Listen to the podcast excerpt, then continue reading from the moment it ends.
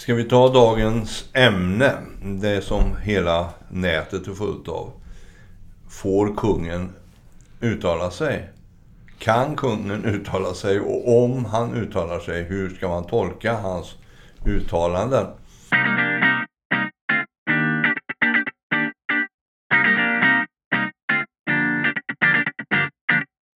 Eh, rätt intressant. Jag som ju är lite romantisk royalist, alltså inte principiell royalist, men i vårt fall royalist.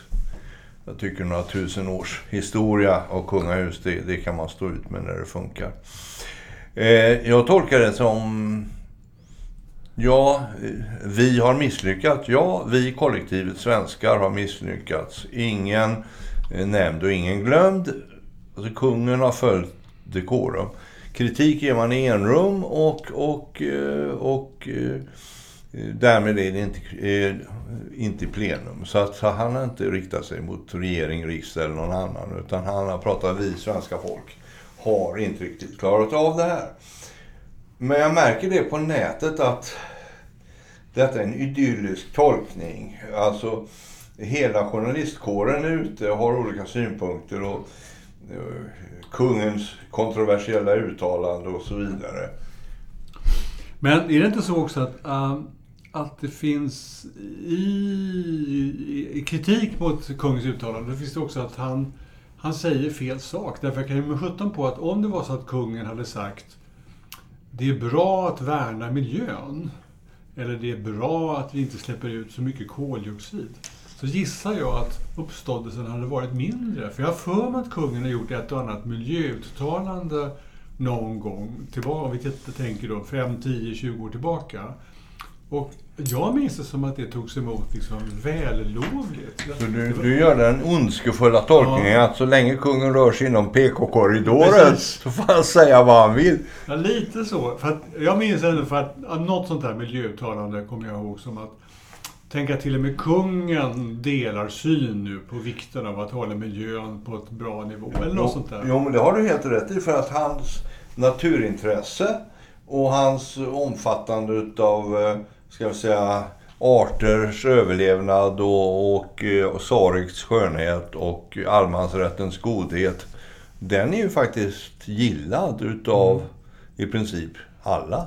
Fast man, kan, man skulle kunna säga, om man då är strikt så kan man säga så här. Det är ju en sak att kungen gärna åker till Storlien och åker skidor eller vandrar i våra fjäll och då uttrycker sin beundran över skönheten i det landskap han är i. Mm. Det är ju det är lite annorlunda. Det skulle man förmodligen kunna tillåtelse. Hur, hur ortodox eh, kung, kungamakt eller inskränkt kungamaktsaktig man än är. Men sen så fort kungen börjar säga att vi i Sverige måste värna, eller EU måste värna detta bättre, då ger man sig ut i den politiska marken. Det, det, finns, en, det finns ju en gräns där på något sätt. Ja, ja det gör det. Alltså... Om, man då, om man ser på det på ett ortodoxt sätt. Så det, det kan jag... Jo, men ja. det, det, är ju där man kommer tillbaka till inledningen på det, det du säger. Det är ju det att han har ju faktiskt uttryckt sig politiskt så tillvida att han har förklarat det viktiga i miljörörelsen och i klimatrörelsen. Alltså han har uttryckt positiva tankar om detta.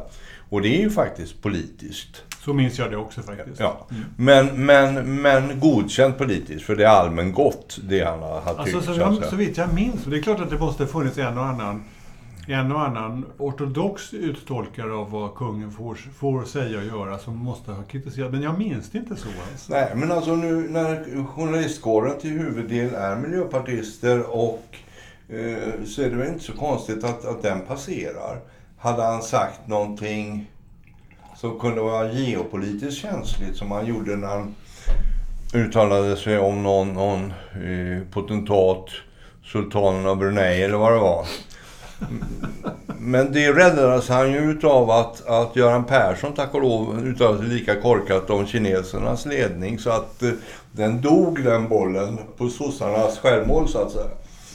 Men vi måste ändå titta på det principiellt därför att oavsett om det handlar om kloka ord kring miljöns, eller strävanden att göra miljön, miljön säker och hållbar och um, huruvida vi, hur vi behandlar coronaviruset så är frågan hur mycket ska kungen säga och inte säga? Jag, jag tycker inte frågan är självklar. Jag tycker att Alltså för mig måste jag säga att vi, vi har misslyckats. Ett väldigt allmänt vi som jag uppfattar det var, var eh, inte särskilt konstigt egentligen.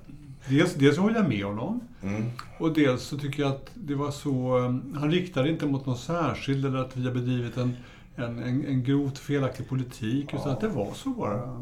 Men det han skulle ha sagt enligt eh, eh, delar då utav ska jag säga, den republikanska delen eh, på nätet är ju det Jag beklagar alla döda och sympatiserar med deras familjer.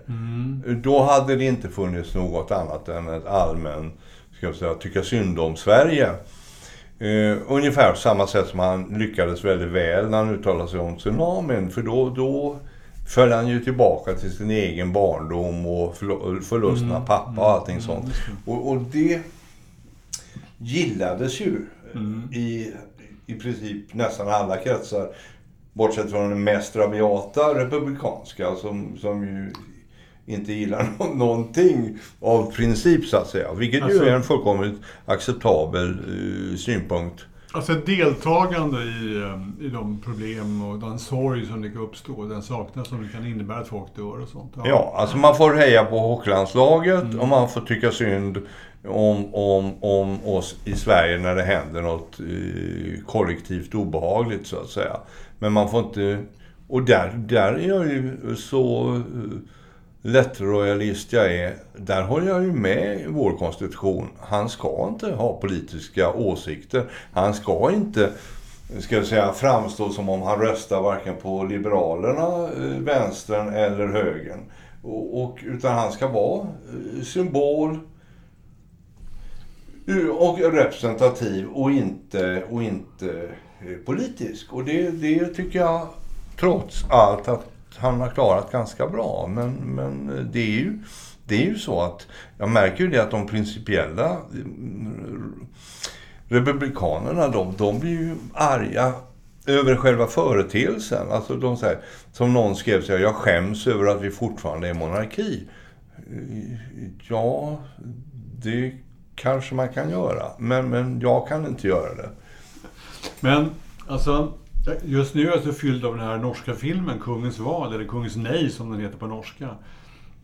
Där kungen då eh, inför, eh, inför det ultimativa kravet från, från det ockuperande eh, Tyskland ska ingå i någon sorts pakt med ryssarna, nej, tyskarna, inte en pakt, men för att komma överens med tyskarna på något sätt.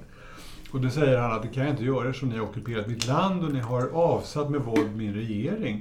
Och eh, då kan jag inte liksom ingå en pakt med er därför det vore helt, det vore helt, strider mot allting på något sätt. Han har många skäl till det. Han säger helt enkelt nej och sen måste han fly landet själv. För han kan inte lera sig med tyskarna på något, inte ens i en ord, ordöverenskommelse. Men det han gör då är att han faktiskt, eh, han låter för det första tyskarna eh, avkräva, eh, de avkräver honom någon form av, av diskussion eller, eller eh, överenskommelse. Och då skulle han ju, om man- han var strikt, säga nej det är inte jag som överenskommer sakerna eller den här viktiga sakerna, det är regeringen Mm. och inte jag. Men han går med på att i alla fall tala med tyska representanter.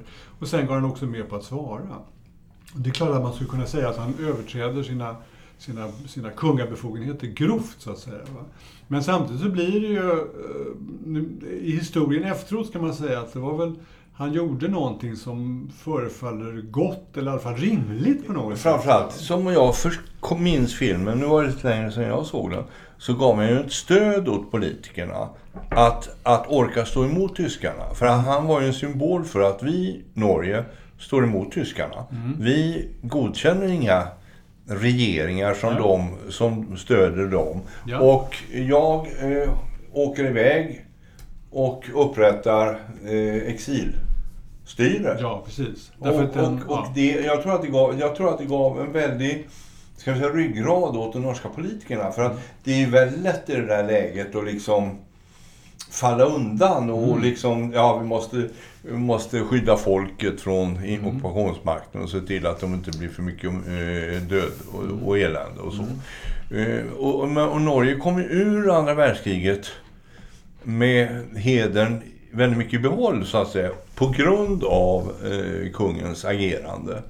och, och den ganska raka hållningen som, som norska politiker hade. Men Bortsett från. Quisling då förstås. Ja, men samtidigt egendomligt därför att han, han ha- hade ju faktiskt en bror. Det var ju egendomligt här med två bröder. Och den ena var kung i Danmark och den andra i Norge. Hans danska bror, eller han som var samma bror, bror som var Ja. kung i Danmark, tvingades då till en form av eh, eftergivenhet till det tyska. Jo, men- Så det- han hade ett exempel bredvid sig som egentligen gjorde lite grann tvärtom. Ja, men det, gör det ännu intressantare på något Ja, sätt. men det, alltså där är ju, ska jag säga, de historiska slumperna. Mm. För att tyskarna tog ju Danmark så fruktansvärt snabbt. Så att det fanns ju ingen möjlighet för danska kungen.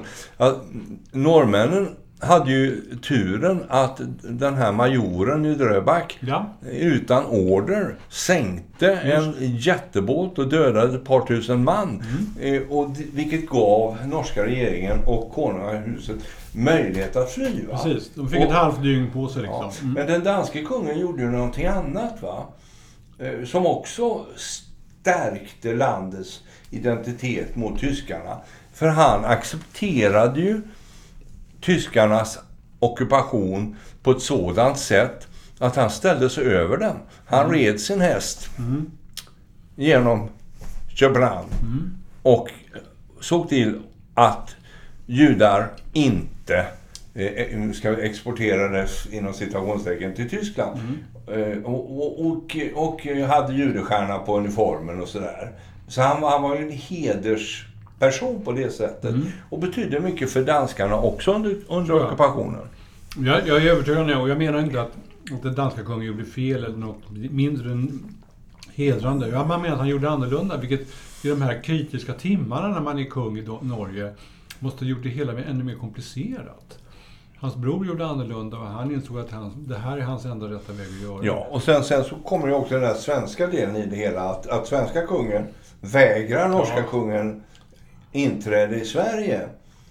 Och, och eh, ja, vilket vi fortfarande som svenskar eh, får höra. Jag menar, mina nio år i Norge så har vi hört detta ungefär 16 000 gånger. Och, och det är ju bara att tugga i sig. Man, kan- man kan inte säga någonting annat. Det enda man kan säga är det att eh, engelska kungahuset gjorde samma sak mot tsarfamiljen. Men, men det är liksom så länge sedan så det är ingen som bryr sig om. Men ändå är det helt, om och om igen exempel på där kungamakten lämnar liksom sin representativa roll och plötsligt blandar sig i storpolitiken. För det är klart att om, vi nu, om det nu var så, vi vet ju inte riktigt exakt hur det gick till, men om vi tänker oss att det är Gustav V som säger till sin kollega från Norge, du får inte komma hit, därför då blir, då blir tyskarna arga på oss. Så är det i högsta grad ett kungamässigt ingripande i en väldigt politisk situation. Ja, eh, exakt hur det där gick till vet jag inte, men jag anar att regeringen hade Ja, väldigt stort finger med i det spelet. Visst. Eh, för att eh, drottningen, hon var ju eh, svenskfödd så att, så att hon Ja. fick ju komma in i Sverige. Norska drottningen. Ja, det. men- Ja, kronprinsessan, ja. Just det. Ja, Blivande just, drottningen. Ja, ja, precis. Och, och, eh, eh, men då var ju norrmännens svar på detta att Sverige är så jäkla osäkert så hon ska ju iväg till Amerika så fort så det går. Ja. Eh, Så, och vilket, vilket, och eh, jag tror faktiskt att Olof aldrig besökte Sverige efter andra världskriget. Möjligen besökte han Sverige när, när Gustav V fyllde 80. Men det tror jag är enda gången. För han var, han var, han var var väldigt, ska vi säga, sur inom citationstecken. Ja, men Men det är intressant det här med den här, den här samlande rollen som ett kungahus ändå får i krig och örlog. Ja, Och det är väl det att alla kan förhålla sig till kungen just därför att han inte är partipolitisk. Jag menar, det är inte Göran, president Göran Persson, alltså eh, Gustav Vasa 2.0 eller eh, Reinfeldt, eh, Gustav IV Adolf 2.0 som sitter fyra år och, och jag menar, samla folket under fanorna. Jag tror att Fredrik Reinfeldt skulle ha extremt svårt som president att få med sig nu ska jag säga, en fjärdedel av Sverige. Precis som jag tror att Göran Persson skulle ha extremt svårt att få med sig en annan fjärdedel av Sverige. Alltså på det här metafysiska planet.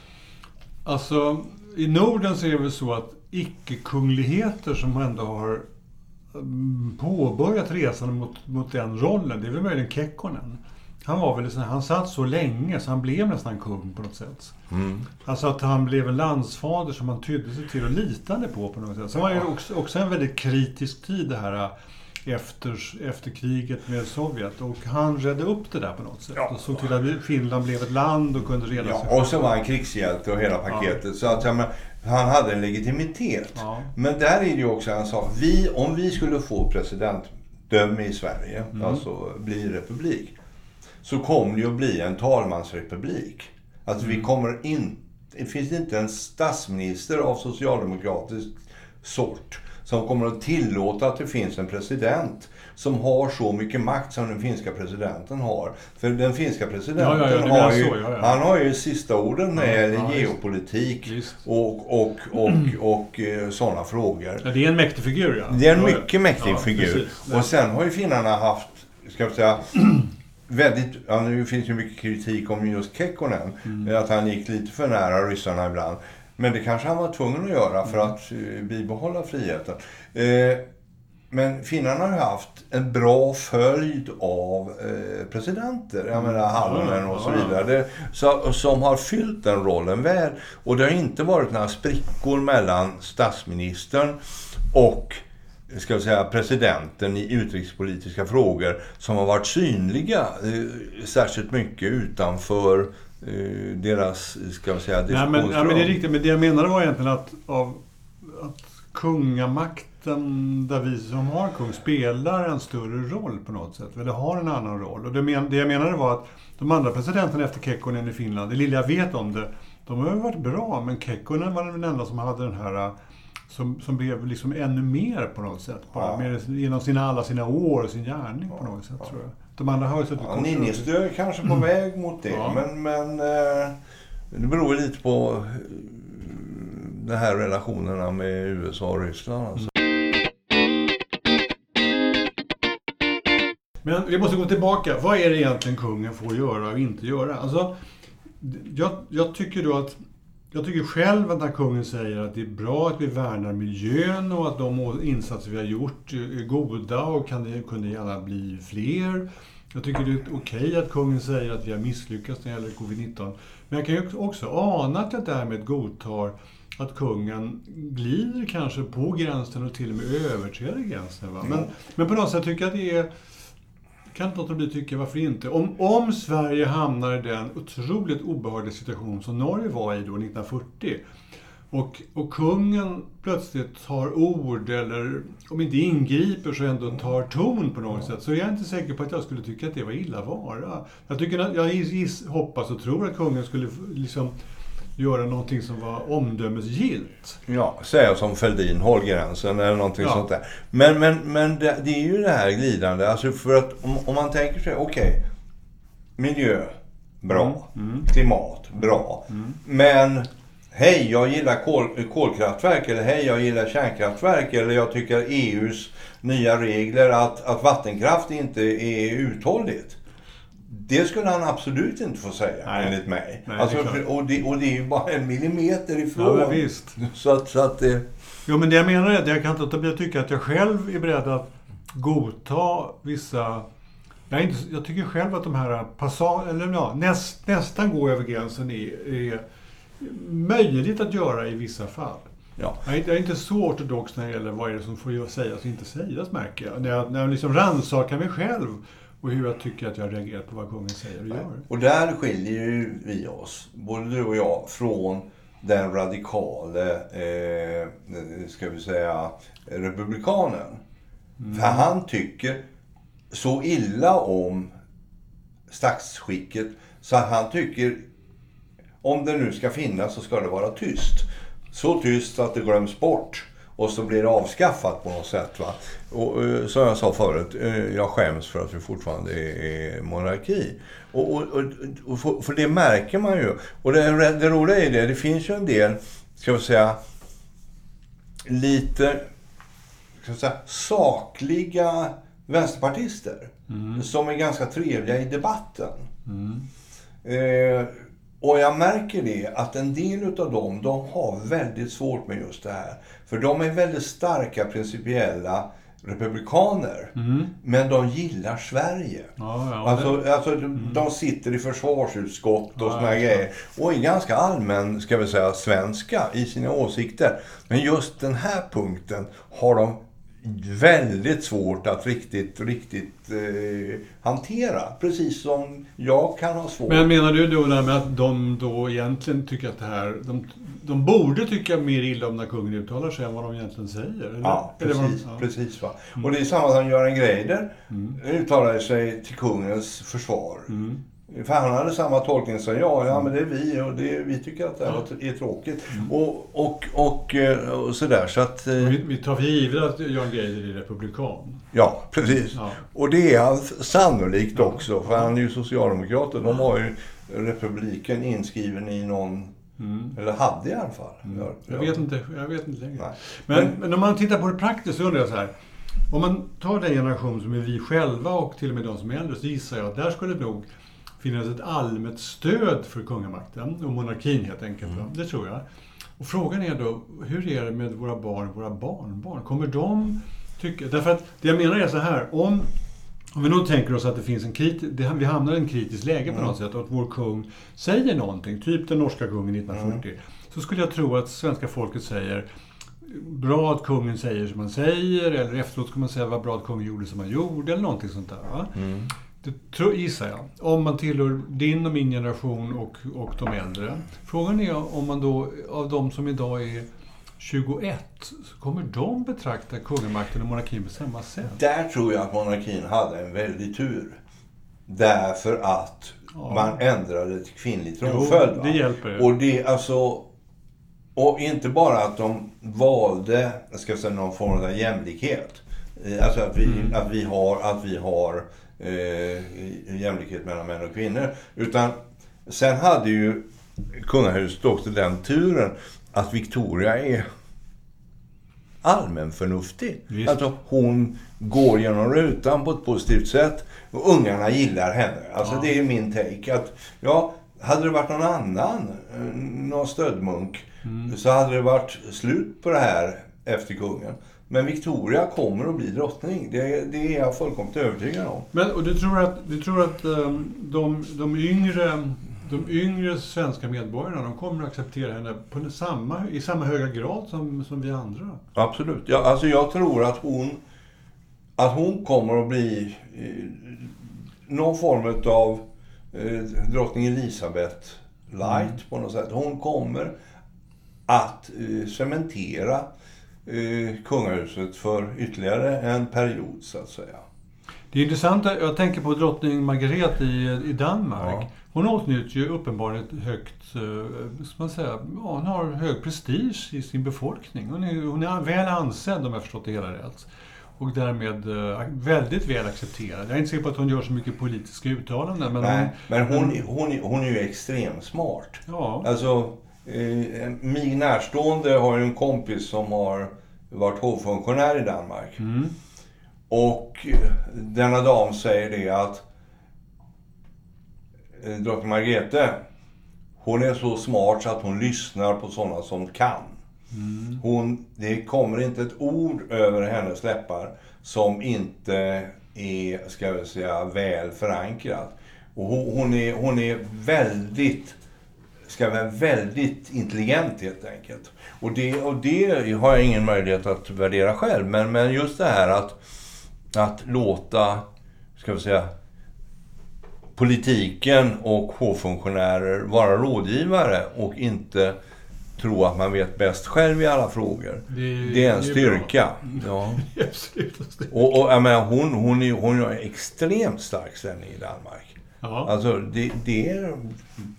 Ja, det har han uppenbarligen. Men jag, jag är däremot inte jag riktigt bevandrad i hur, om hon tar ställning till liksom dags... Nej, jag tror hon är väldigt konstitutionell lik Sverige. Jag tror Ja. inte... Jag, jag tror, hon tar väl ställning i... i alltså när kungen pratar om miljö pratar hon om konst.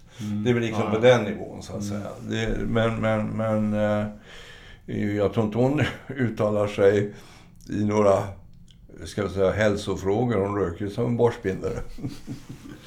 Men det är intressant det där, därför att om man då tittar på det, om man, till exempel anlägger sån här äh, kommunikationsmässigt syn på det hela. Om man var PR-konsult kallas in till hovet så säger man hur ska vi göra nu närmast? Vi ska byta regent här. Då skulle man väl säga så här, ja men det är bra om regenten är beredd att plötsligt hamnar Sverige i, ett, ett, i en knepig situation. Så är det ändå bra att oavsett de regler som finns för regenten, vad regenten får säga och inte säga, så är det väl bra om regenten ändå är beredd på att plötsligt blir man tillfrågad eller hamnar i ett läge där regenten måste fälla ett svar, ge ett svar. Uh, och, och, så bryr vi oss för tillfället inte om om det är konstitutionellt eller inte. Om det då om vi då tänker oss den situationen så måste man förbereda sig för det mer eller mindre hela livet. Och då är väl dotter Margretas sätt att vara det som gör att när, om den här stunden plötsligt inträffar, drottning Victoria, vår egen drottning, alltså mm. kommande drottning, måste plötsligt säga någonting i en kritisk situation. Mm. Så det är klart att, att ha åtnjutit gott anseende under några decennier i förväg kan ju vara väldigt, väldigt bra. Absolut. För då, blir ju, då är ju det, ja men drottningen säger, ja men vi bör eh, vi kan tänka oss hemska situationer. Ja. Det är klart att vi ska försvara oss. Vi är ju ett land och ett folk. Ja, ja. Eller någonting sånt där. Så är det naturligtvis, går ju det hem i stugan mycket, mycket bättre. Jo, men, men sen ringer hon ju till Löfven innan och säger Hej, eh, jag känner att jag måste uttala mig här. är det okej okay om jag säger så här? Ja. Ja, ja, det är okej. Okay. Mm. nej, men ta bort det ordet och lägg in det här. Ja, men det är klart. Mm. Alltså, men det, men det, det är ju inte, ska jag säga, det är inte helt enkelt. att Det Nej. finns ju en gerillaverksamhet i statsapparaten som är rätt intressant. Alltså mm. just det här att eh, jag, jag upptäckte av en händelse att, att Utrikesdepartementet har tagit bort eh, alla departement och statsministern har lilla riksvapnet i färg som mm. ikon på Twitter. Mm. Sen plötsligt försvann det från Utrikesdepartementet mm. och så ersattes med en, en orange blubb med, med lilla riksvapnet negativt suddigt i vitt, i mitt inne i blommen. Så ingen såg egentligen att det var lilla riksvapnet. Utan jag som uppmärksammade detta och blev irriterad. Så jag skrev till utrikesministern och frågade vad som föranledde detta. Och, eh, och undrade om inte det sänker trovärdigheten på utrikesdepartementet. Speciellt utrikesförbindelser och hela eh, statsförvaltningen i övrigt kör med färglagt eh, lilla riksvapen, inklusive statsministern. Varför ska UD som... Ja, jag skrev bara fyra rader om detta. Vad hände då? då? De tog tillbaka det. Jaha. Så i måndags... Men fick du något i måndag, Jag har fått något svar än. Men i måndag, måndags förra veckan så återuppstod färglagt lilla riksvapen. Och det är klart, min men du har en tolkning i alla fall? Min tolkning är att någon på Utrikesdepartementet inte är monarkist. Och tycker att det är skavsår att de ska behöva ha en krona och tre kronor och blått och gult på sin ikon. Mm. Utan en orange blubb eh, talar tydligare för deras, inom citationstecken, utrikesdepartement. Och, och, och, och, detta är ju en illvillig tolkning från min sida, men, men alltså... Och det tycker jag att det är så intressant att det kan uppstå en sån sak i vår utrikesförvaltning utan att utrikesförvaltningen själv kanske ens har noterat det. Va? För jag tror inte den statssekreterare jag skrev till med kopia till, till utrikesministern ens visste om att de hade bytt mm, ikon. Nej, förmodligen. Det finns, det finns risk för det. Ja. Jag måste tillbaka till kungen. För jag inser att jag sitter och trycker på någonting här. Alltså, när kungen uttalar sig så skulle jag väldigt gärna vilja att han trots allt var lite bättre på att uh, tala och föra sig. För att jag märker att jag tycker att det där är ju...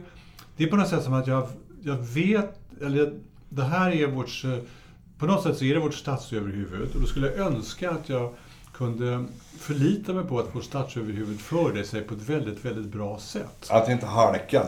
Ja, och, och jag märker att jag blir lite osäker. Och det, det, är på något sätt som att jag, trots att kungen egentligen inte har någon makt och egentligen inte ska säga något viktigt alls, så skulle jag vilja att... Eh, på något sätt sitter jag hela tiden och väntar på att den där situationen kan komma alla fall. Där kungen ska säga något viktigt och plötsligt utöva lite, lite informell makt i alla fall.